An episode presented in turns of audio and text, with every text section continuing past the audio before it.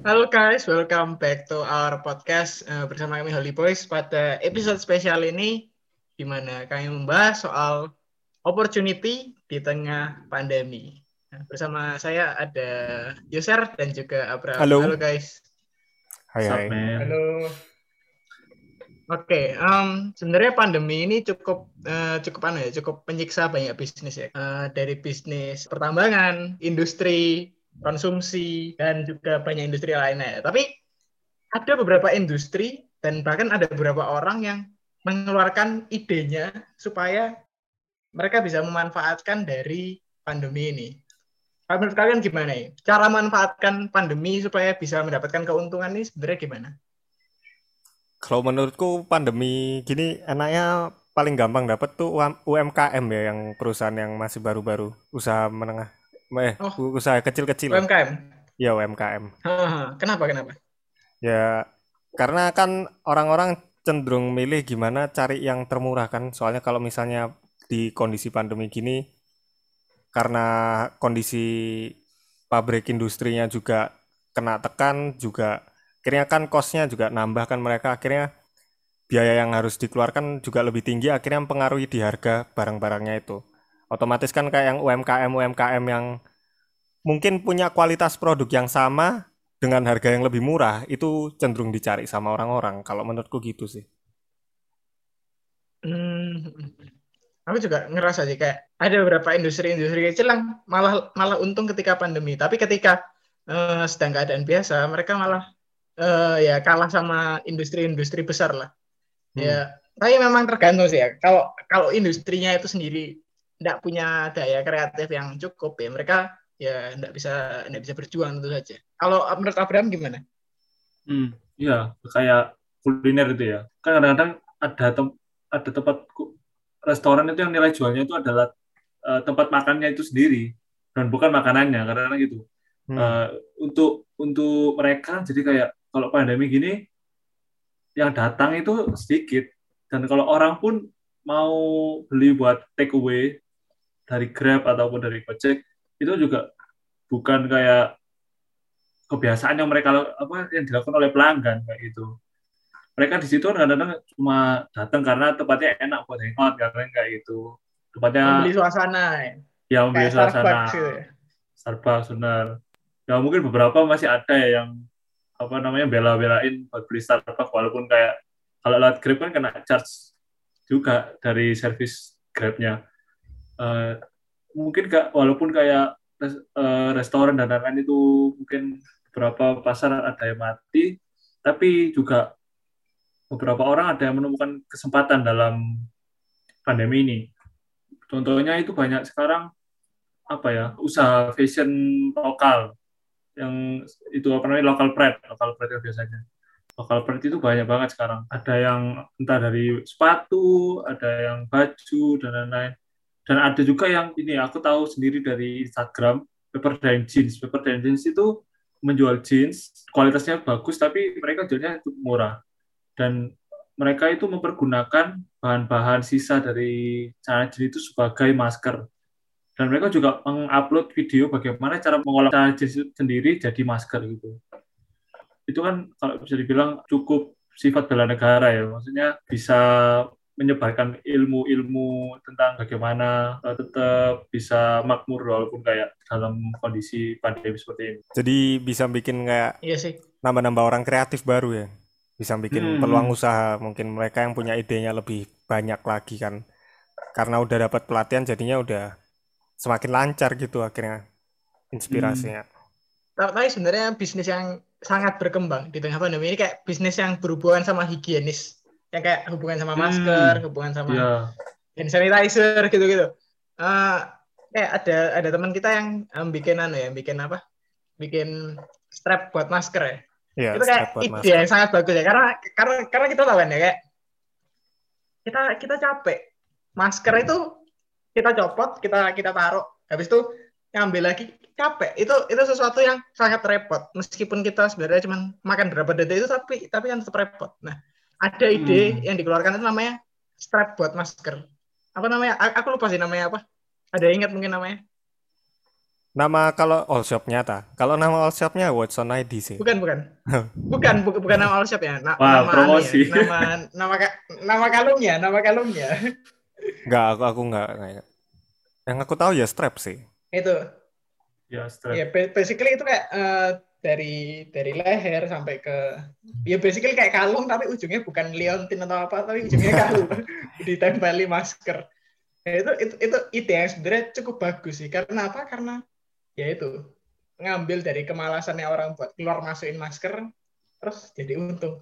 Yang Kalau Hmm. makan itu juga enggak itu itu ketukar-tukar. basically iya bikin bikin nggak ketukar-tukar bikin lebih aman juga Hmm. meskipun kalau higienisnya ya maybe yes maybe not lah ya tapi kayak kalau kalau secara kenyamanan memang sangat nyaman sih itu kalau menurut kalian apalagi ide yang bisa dikembangkan di tengah pandemi kayak gini Ku menjelang menjelang apa ya? Kemarin tuh kan kalau misalnya pandemi bulan-bulan awal mungkin masih belum terlalu kelihatan ya. Orang masih berusaha kayak bertahan sama tokonya apa bisnisnya mereka, bidang usahanya mereka yang lama. Cuma begitu sekarang begitu masuk ke akhir-akhir tahun kemarin 2020 itu lebih banyak yang kayak jual hampers.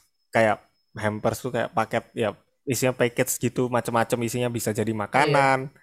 Jadi yang kayak biasanya kalau kita Imlek kan itu kan toko-toko yang kue-kue kering atau kue terus kayak hampers itu sebenarnya kayak parcel tapi Iya, kayak, kayak parcel. versi lebih Versinya kerennya gitu ya. lit kayak versi light lebih ya istilah versi kerennya lah hampers Hampers. Kalau- sih aku. soalnya kalau parcel kan kayak ah parcel Parcel. isian plastik dan lain-lain. Kalau Iya. kalau hampers ini soal sebenarnya ini Packaging. ngedepankan soal anu ya. packagingnya Branding sama packaging ya. iya benar bener. Packagingnya lebih keren. Orang-orang jadi lebih tertarik. Meskipun kalau sebenarnya kita beli satu satu satu itu jauh lebih murah. Iya, beli hampers Bener. Sekaligus. Bener, Tapi bener. orang tertarik sama packagingnya. Gambarannya Ini- aja. ini kan. makanya- lucu-lucu sih soalnya. Ini makanya eh, memang memang packaging itu penting sih. Terkadang isinya itu jelek, tapi kalau packagingnya bagus, orang bisa tertarik. Hmm. Hmm. Ya kayak hampers itu sebenarnya isinya sama parcel ya, 11 12 lah. Tapi kalau sama parcel jauh lebih laku hampers karena kelihatan lebih bagus. Isinya ya 11 12 lah. Emang kalau gitu tuh manusiawi banget ya.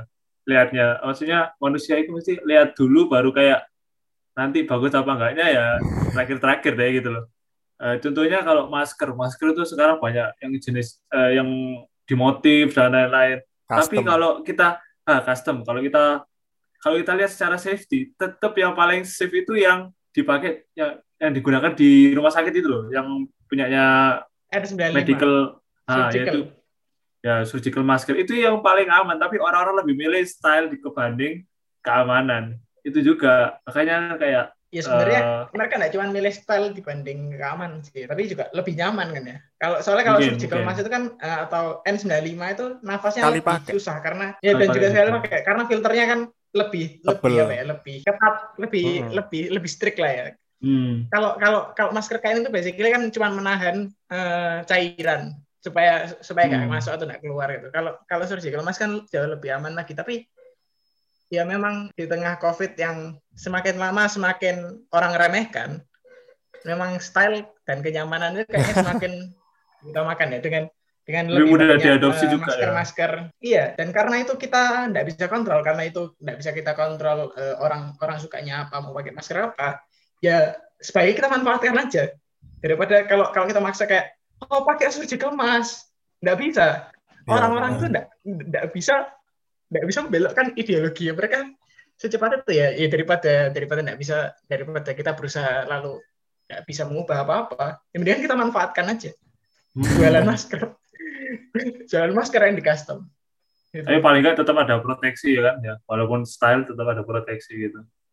Iya, proteksi tetap ada sih. Memang memang proteksi tetap ada, tapi ya kelebihannya tetap kalah sih timbang N95. Tuh, eh, memang memang bisa diperdebatkan tuh ya.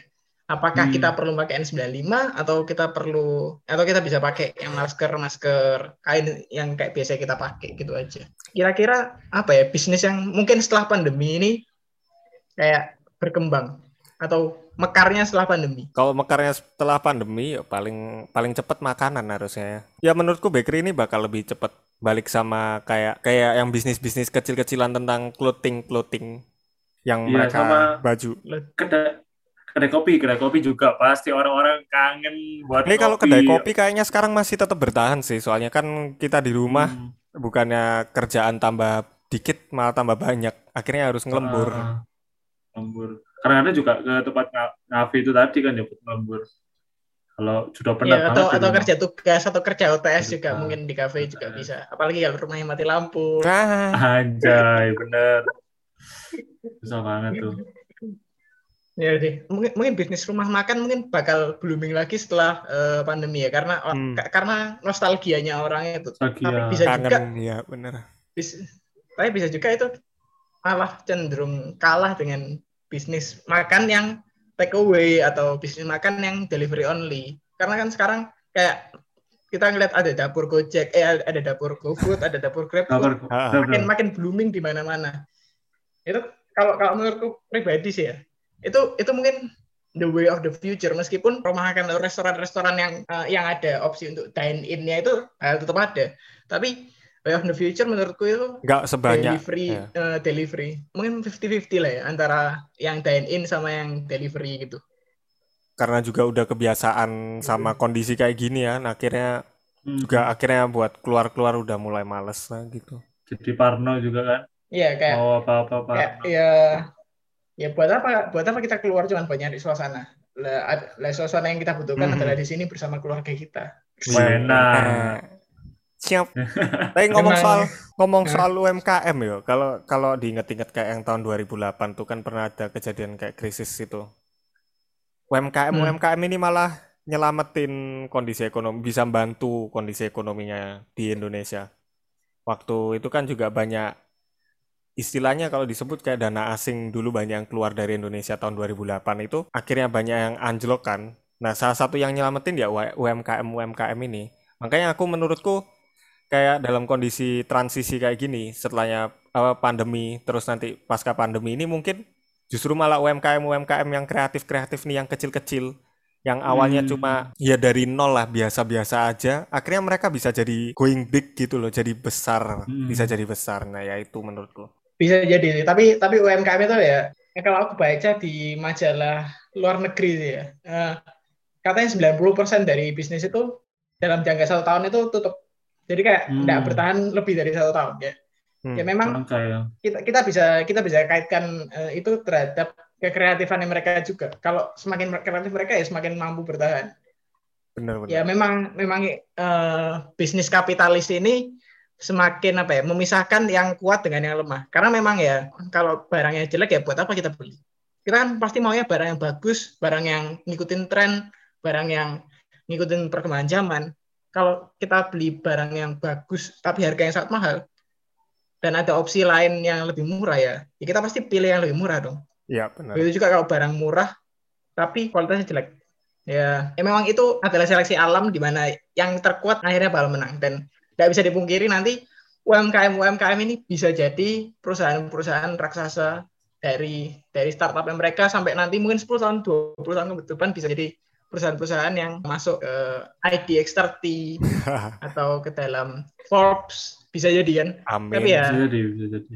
mereka mereka tetap harus berjuang karena dalam dunia yang persaingannya ketat seperti ini lawan dan kawan lawan dan kawan itu tidak tidak bisa kita kenali. Sedikit kata penutup Kalau dari aku, aku cuma pengen kayak nyampaikan intinya semua ini sekarang itu tentang kreativitas sama mampu beradaptasi, ngelihat peluang sama baca situasi. Peluang sama situasi ini kan emang agak beda. Nah, kalau nanti kita udah biasa untuk kreatif, nanti setelah masa transisi ini pasti bisa bertahan. Hmm. Gitu. Kalau dari aku sih eh, sekarang ini mungkin kita diberi waktu banyak ya, jadi kita bisa ekspor diri kita secara kreatif. Kalau kita ada ya suatu hal yang bisa mungkin kita lakukan untuk mendapatkan uang dan eh, juga berkontribusi di ekonomi Indonesia ya lakukanlah gitu loh. Ambil peluang itu buat belajar juga. Walaupun eh, mungkin kamu bakal kayak kata Sam tadi UMKM mungkin setahun lagi kayak juga banyak yang tutup. Tapi kan lumayan juga buat kamu belajar gitu loh pengalaman kan? Nah, gitu. Jadi Iya, ambil peluang walaupun dalam kondisi pandemi ini gitu iya benar kita kita harus cari peluang. Apalagi kita harus mencari kekosongan yang belum ada di market. Karena hal yang paling menguntungkan di market bagi bagi produsen atau bagi distributor adalah ketika tidak ada orang lain yang membuat produk itu. Benar. Jadi ketika kita monopoli, keuntungan bakal bisa kita maksimalkan semaksimal mungkin, meskipun kualitasnya tentu saja bakal kita jaga. Ya, kita kita harus terus menerus mencari kekosongan, lalu memanfaatkan kekosongan itu ya, terus meningkatkan produk kita selagi masih belum ada kompetitor karena ya Nah, supaya kita gain foothold di market itu. Kalau gitu cukup dari kami. Sampai jumpa di podcast selanjutnya. Terima kasih sudah mendengarkan. Bye bye. Thank you.